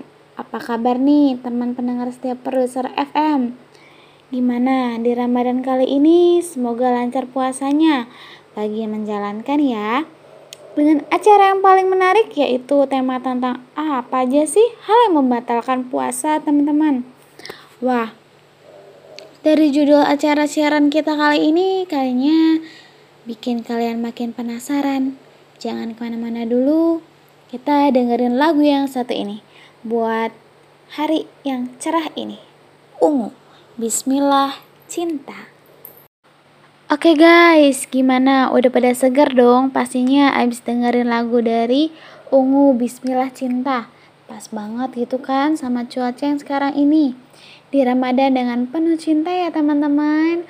Oke, acara selanjutnya mari kita beralih dengan topik tentang hal-hal yang membatalkan puasa nih guys. Nah, kalau topik yang ini cocok banget untuk kalian berpuasa di bulan Ramadan ini ya. Karena dalam tapi hal yang membatalkan puasa tentu akan banyak sharing cerita juga. Apa sih yang kalian tahu yang paling sering membatalkan puasa itu? Sebelumnya, puasa itu adalah menahan diri dari makan, minum, dan segala yang membatalkan sejak dari terbit fajar hingga terbenam matahari dengan niat karena Allah Subhanahu wa taala. Oke guys, itu dia arti dari puasa itu sendiri ya. Oke teman-teman, Produser FM, sebelum melanjut ke acara selanjutnya, jangan ke mana-mana dulu. Setelah ini bakal ada narasumber yang bikin kalian tambah semangat nih. yang bakal share tentang judul siaran kita kali ini. Aku bakal putar lagu dulu nih buat kalian atau bisa juga kalian request. Sebelum kalian request, kita dengar lagu dulu dari Opik Tambah Hati. Stay tune di Produser FM. Ngobrol seru bareng kita. Oke, masih bersama aku Debbie di sini. Gimana nih? Kalian abis dengerin lagu dari Opik Tombo Ati Pastinya menghangatkan hati kalian semua pendengar setiap produser FM Oke, kita langsung tanya-tanya sama narasumbernya yuk. Ada Kak Jaja Reja Langit di sini. Halo Kak Jaja, apa kabarnya hari ini? Dan gimana nih puasanya hari ini? Oke, halo teman-teman pendengar setia Produser FM. Aku bakal sharing nih hal apa aja sih yang membatalkan puasa itu. Sebelumnya, kalian pada puasa gak nih hari ini? Semoga tetap semangat ya dan puasa selalu dan jangan lupa terawihnya juga. Oke, kalau menurut aku puasa itu adalah menahan diri dari sesuatu. Menahan diri dari makan, minum, hubungan seksual suami istri, dan segala yang batalkan sejak dari terbit fajar hingga terbenam matahari dengan niat karena Allah Subhanahu wa taala. Wah, Pasti tentunya dong Kak Jaja, para pendengar setiap produser FM udah gak sabar pengen tahu puasa itu apa dan apa aja sih hal yang membatalkan puasa itu menurut Kak Jaja? Pastinya paling pertama itu makan dan minum dengan sengaja. Itu sangat membatalkan puasa ya teman-teman. Ada cukup banyak pantangan yang gak boleh kalian lakukan saat berpuasa Ramadan mulai dari muntah secara disengaja, merokok, emosi, hingga haid atau nifas. Nah, untuk kaum perempuan saat kita puasa, tubuh kita harus dalam keadaan suci. Oleh karena itu, hal yang membuat batal puasa bagi perempuan adalah haid dan nifas atau darah setelah melahirkan. Karena pada dasarnya, darah yang keluar pada saat haid atau nifas adalah darah kotor yang dapat membuat batal puasa. Nah, gitu Kak Debi. Menurut Kak Jija sendiri, biasanya hal-hal yang membatalkan puasa apa aja sih? Intinya, tujuan puasa Ramadan adalah melatih diri kita agar dapat menghindari dosa-dosa di hari yang lain di luar bulan Ramadan. Kalau tujuan tercapai, maka puasa itu berhasil dan mendapatkan pahala dari Allah Subhanahu wa taala. Karena kan puasa juga puasa Ramadan dilaksanakan satu tahun sekali. Mungkin puasa sunnah juga bisa ya yang dilaksanakan Senin atau Kamis. Dengan menjalankan ibadah puasa, diharapkan kita mengetahui bahwa tiap kegiatan merupakan amal ibadah dalam kehidupan ini. Nah, segitu aja materi dari aku Kak Dewi. Nah, menurut Kak Jija sendiri, selain hal yang membatalkan puasa itu, sebenarnya tujuan saat puasa di bulan Ramadan tuh apa sih, Kak? Subhanallah, kita bisa tahu puasa itu apa dan hal-hal yang membatalkan puasa itu apa aja. Sangat dan manfaat juga ya Kak Jeja dari sharing Kak Jeja ini. Terima kasih Kak Jeja atas waktunya sudah meluangkan waktu dan pengalamannya di produser FM ini Kak Jeja. Nah, itu dia pendengar setiap produser FM ngobrol-ngobrol seru bareng KJJ Raja Langit tentang puasa dan hal yang membatalkan puasa. Gak kerasa nih, udah 30 menit ke depan nemenin kalian semua, teman produser FM. Untuk menutup perjumpaan kita kali ini, aku bakal putar lagu yang bikin kalian bakal terus semangat menjalankan puasa hari ini ya. Ada Gita Gutawa, Jalan Lurus. Selamat mendengarkan, sampai jumpa di siaran selanjutnya. Dari kru produser FM bakal kembali lagi di hari yang sama, jam yang sama. Terima kasih. Wassalamualaikum warahmatullahi wabarakatuh. Oke guys, balik lagi di Produser FM, suara kreativitas tanpa batas. Assalamualaikum warahmatullahi wabarakatuh. Halo pendengar setia produser FM Di mana pun kalian berada Balik lagi sama aku Debbie Lestari Di hari yang cerah ini yang bakal nemenin kalian selama 30 menit ke depan Apa kabar nih teman-teman pendengar setia produser FM Gimana di Ramadan kali ini? Semoga lancar puasanya bagi yang menjalankan ya nih Untuk mengawali hari ini dengan acara yang paling menarik yaitu tema tentang arti dari kesabaran untuk pendengar setiap produser FM. Wah, dari judul acara siaran kita kali ini kayaknya bikin kalian makin penasaran. Jangan ke mana-mana dulu, kita dengerin lagu yang satu ini buat awalan sore yang cerah ini. Lagu Marhaban Ya Ramadan. Oke okay guys, gimana? Udah pada seger dong pastinya abis dengerin lagu dari lagu Marhaban Ya Ramadan.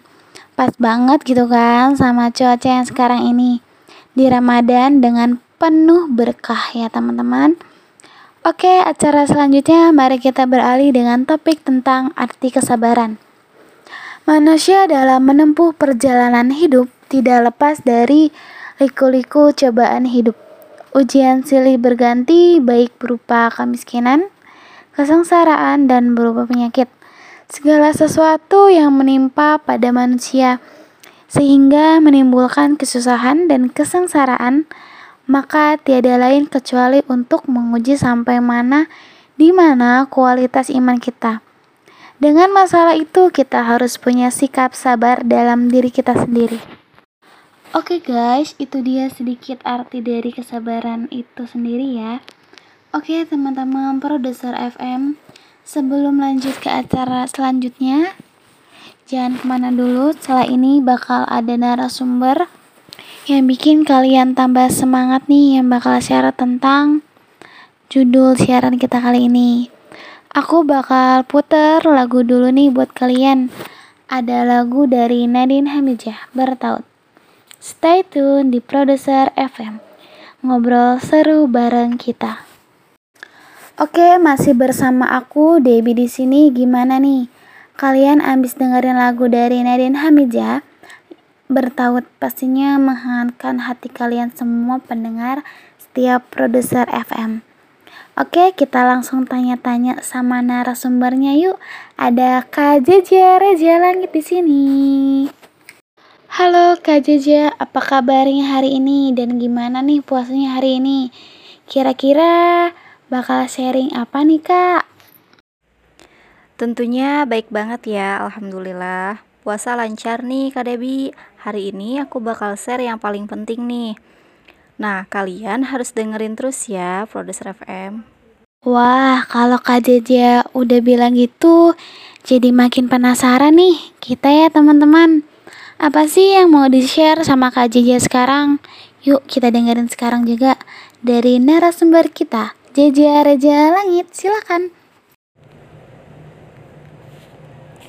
Pastinya paling pertama itu makan dan minum dengan sengaja. Itu sangat membatalkan puasa ya teman-teman. Ada cukup banyak tantangan yang gak boleh kalian lakukan saat berpuasa Ramadan. Mulai dari muntah secara disengaja, merokok, emosi, hingga haid atau nifas. Nah, untuk kaum perempuan saat kita puasa, tubuh kita harus dalam keadaan suci oleh karena itu, hal yang membuat batal puasa bagi perempuan adalah haid dan nifas atau darah setelah melahirkan. Karena pada dasarnya, darah yang keluar pada saat haid atau nifas adalah darah kotor yang dapat membuat batal puasa. Nah, gitu Kak Debi. Menurut Kak Jaja sendiri, ada bagian-bagian dari sabar itu sendiri gitu nggak Kak? Intinya, tujuan puasa Ramadan adalah melatih diri kita agar dapat menghindari dosa-dosa di hari yang lain, di luar bulan Ramadan. Kalau tujuan tercapai, maka puasa itu berhasil dan mendapatkan pahala dari Allah Subhanahu wa Ta'ala. Karena kan puasa juga puasa Ramadan dilaksanakan satu tahun sekali. Mungkin puasa sunnah juga bisa ya yang dilaksanakan Senin atau Kamis. Dengan menjalankan ibadah puasa, Diharapkan kita mengetahui bahwa tiap kegiatan merupakan amal ibadah dalam kehidupan ini. Nah, segitu aja materi dari aku Kak Dewi. boleh cerita sedikit secara singkat kesabaran apa yang pernah Kak JJ alamin? Teman-teman pendengar produser FM juga pengen tahu nih. Nah, intinya sabar terhadap ujian, kepahitan, dan musibah yang menimpa kita. Itu harus kita lalui dengan rasa sabar dan dengan iman yang kuat. E, bukan cuma aku aja ya. Tapi buat kita semua harus mengimani takdir yang telah digariskan oleh Allah Subhanahu wa taala. Karena manusia hanya berencana dan berusaha dan Allah lah yang menentukan. Terakhir, kita kita diuji sabar saat mendapat kesenangan. Justru di situ kita harus bisa mengendalikan rasa sabar kita. Karena kenapa? Kalau misalkan kita terjerumus e, terlalu senang dan kita tidak bisa mengendalikannya, maka kita bakal jatuhnya kayak sombong dan kita tidak pernah akan merasa puas dengan apa yang telah dikasih Allah. Kayak gitu aja sih, Kak. Wah, subhanallah. Intinya kita semua harus sabar. Apa pun cobaan maupun suka dan duka, kita harus sabar. Sangat bermanfaat juga ya Kak Jeja dari sharing Kak Jeja ini. Terima kasih Kak Jeja atas waktunya sudah meluangkan waktu dan pengalamannya di produser FM ini. Kak Jeja nggak kerasa ya, padahal pengen terus dengar suara dari Kak Jeja nih. nah, itu dia pendengar setiap produser FM ngobrol-ngobrol seru bareng Kak Jeja Reja Langit tentang kesabaran. Gak kerasa nih, udah 30 menit ke depan nemenin kalian semua pendengar produser FM. Untuk menutup perjumpaan kita kali ini, aku bakal putar lagu yang bikin kalian bakal terus semangat menjalankan puasa hari ini ya. Ada Sela on Seven, melompat lebih tinggi. Selamat mendengarkan, sampai jumpa di siaran selanjutnya. Kami dari kru produser FM bakal kembali lagi di hari yang sama, jam yang sama. Terima kasih. Wassalamualaikum warahmatullahi wabarakatuh.